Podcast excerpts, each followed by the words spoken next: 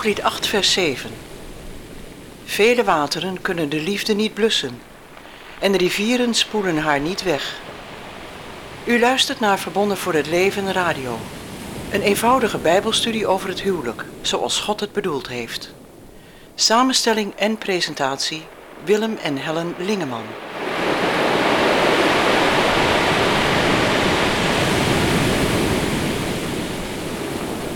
In twaalf programma's zijn we met u door de Bijbel gegaan om te bestuderen wat de Heere God zegt over huwelijk, echtscheiding en hertrouwen. We hebben gezien dat de geschiedenis verduisterend heeft gewerkt op het woord van God en dat die verduistering ons denken heeft beïnvloed. Gangbare meningen blijken de plank mis te slaan als we de Bijbel ernaast leggen. In deze laatste uitzending willen we de highlights uit deze studie nog eens op een rijtje zetten. Al in het begin van Gods woord lezen we wat een huwelijk is. Genesis 2, vers 24. Daarom zal een man zijn vader en zijn moeder verlaten en zijn vrouw aanhangen, en ze zullen tot één vlees zijn. Belangrijk in deze tekst zijn drie eenvoudige woorden: verlaten, aanhangen en tot één vlees zijn. Als we dit vasthouden en geloven dat de Bijbel Gods woord is en heilzaam voor ieder mens, ongeacht afkomst of huidskleur, dan beseffen we ook dat welke vorm een land of cultuur ook kiest voor het vastleggen van een huwelijk, dit altijd ondergeschikt is aan Genesis 2, vers 24. Hebben man en vrouw voldaan aan het verlaten, aanhangen en tot één vlees zijn, dan hebben ze een verbond gesloten.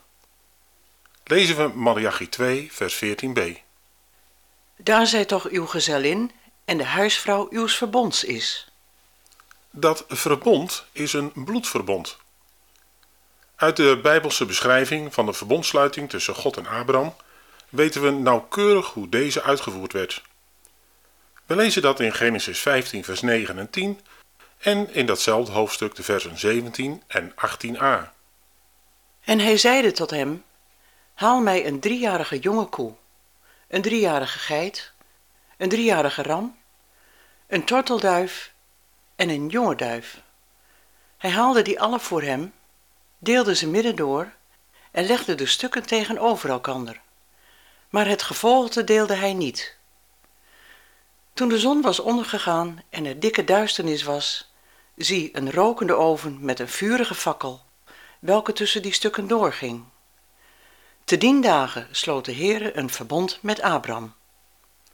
De handelingen die werden uitgevoerd gaven het volgende door. Ten eerste, zoals die twee delen van dieren een eenheid vormen, zo vormen wij, die tussen deze stukken doorlopen, in dit nu gesloten verbond een eenheid. Ten tweede, wie zich niet houdt aan deze overeenkomst, hem zal het vergaan als deze dode dieren. Jeremia zegt hierover in hoofdstuk 34, vers 18 tot 20. Ik zal de mannen die mijn verbond hebben overtreden, die de bepalingen van de verbintenis, welke zij voor mijn aangezicht gesloten hadden, niet hebben gestand gedaan, maken als het kalf dat zij in tweeën deelden, en tussen welk stukken zij doorgingen.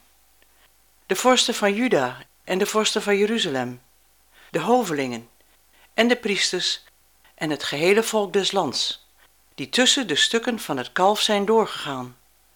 Ik zal hen overgeven in de macht van hun vijanden, en van wie hen naar het leven staan, zodat hun lijken tot voedsel zullen strekken, voor het gevogelte des hemels en het gedierte der aarde.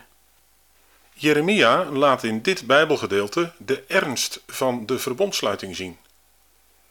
Het leven van dieren werd opgeofferd om de gemaakte afspraken te bekrachtigen. Zij die het verbond sloten, liepen tussen de dode dieren door over een pad van bloed. Voor wat betreft de verbondsluiting tussen man en vrouw zeggen Richard en Deborah Murphy het zo. Seksuele gemeenschap is een verbondsactiviteit.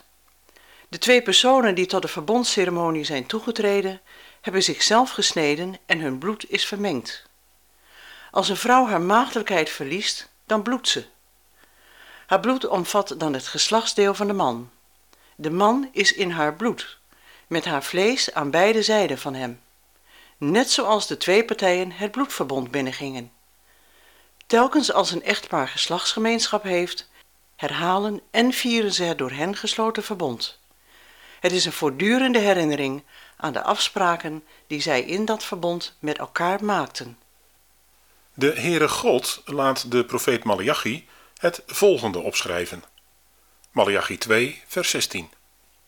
Want ik haat de echtscheiding, zegt de Heere, de God van Israël. En dat men zijn gewaad met geweldpleging overdekt, zegt de Heere der Heerscharen. Daarom, wees op uw hoede voor uw hartstocht en wees niet ontrouw. Malachi 3, vers 5.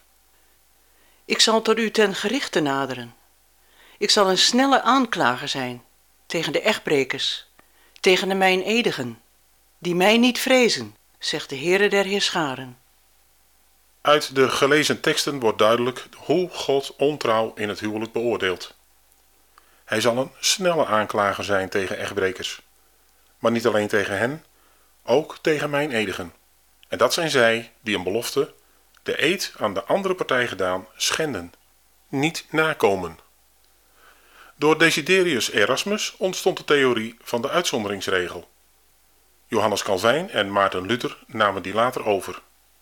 Christenen gingen zich beroepen op twee Bijbelgedeelten. Matthäus 5, vers 32. Maar ik zeg u dat ieder die zijn vrouw verstoot, anders dan uit oorzaak van hoererij, maakt dat zij overspel pleegt.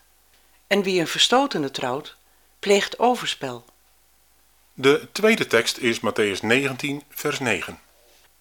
Doch ik zeg u, wie zijn vrouw wegzendt om een andere reden dan hoererij, en een andere trouwt, pleegt echtbreuk.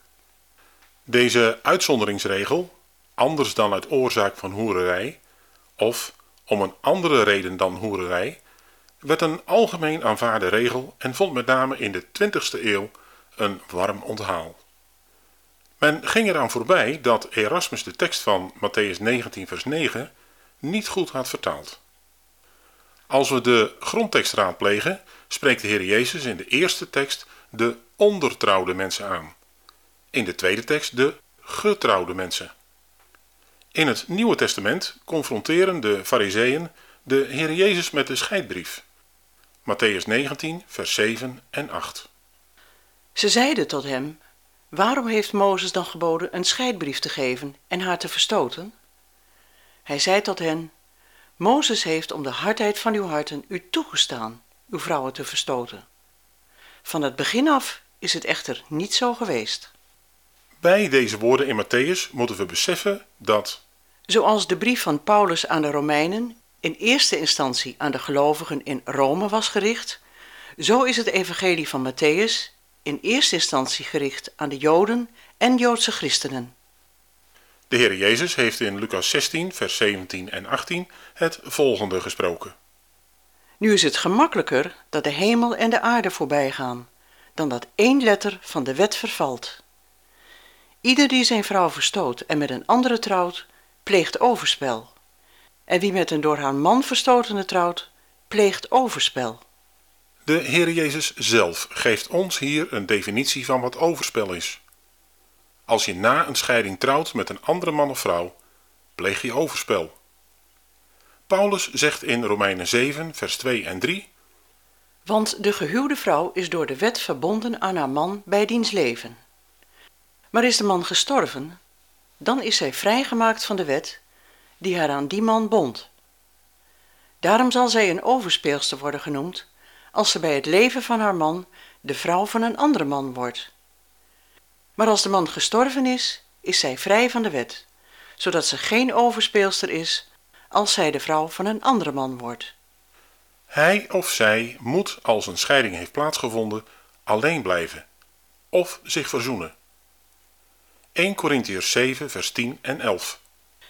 Maar aan de getrouwden beveel ik, niet ik, maar de Heer, dat de vrouw niet mag scheiden van haar man.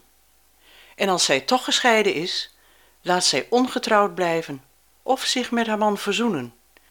En dat de man zijn vrouw niet mag verstoten. Er worden in de Bijbel geen gronden genoemd voor het aangaan van een nieuwe relatie met een andere partner na een scheiding. Nogmaals, alleen blijven of verzoenen, zegt de apostel Paulus. 1 Corinthiërs 6 vers 9 en 10. Weet u niet dat onrechtvaardigen Gods koninkrijk niet zullen beërven? Dwaalt niet. Geen hoereerders en overspelers zullen Gods koninkrijk beërven. Galaten 5 vers 19 en 21. Nu is het duidelijk wat de werken van het vlees zijn: hoererij, overspel, onreinheid, losbandigheid. Waarvan ik u tevoren zeg dat wie zulke dingen bedrijven, Gods koninkrijk niet zullen beërven. Cheryl Chrisman, een vrouw die in overspel leefde en zich daarvan bekeerde, zegt in haar getuigenis: Ik daag u uit één schriftwoord te vinden, waar gerechtvaardigd wordt dat je Christus om vergeving vraagt en tegelijkertijd bewust in zonde blijft leven. De schrift leert ons dat als we geen berouw hebben en afstand doen van de zonde, wij het koninkrijk niet zullen beërven. Met deze indringende woorden willen we dit programma en deze serie afsluiten. Hartelijke groet en Gods onmisbare zegen toegebeden.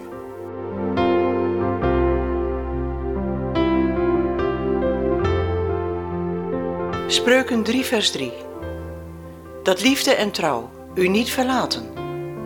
Bind ze om uw hals, schrijf ze op de tafel van uw hart. U heeft geluisterd naar Verbonden voor het Leven Radio. Samenstelling en presentatie Willem en Helen Lingeman. Heeft u vragen naar aanleiding van deze uitzending? Dan kunt u contact opnemen via het reactieformulier op onze website www.verbondenvoorhetleven.nl of www.unitedforlife.eu.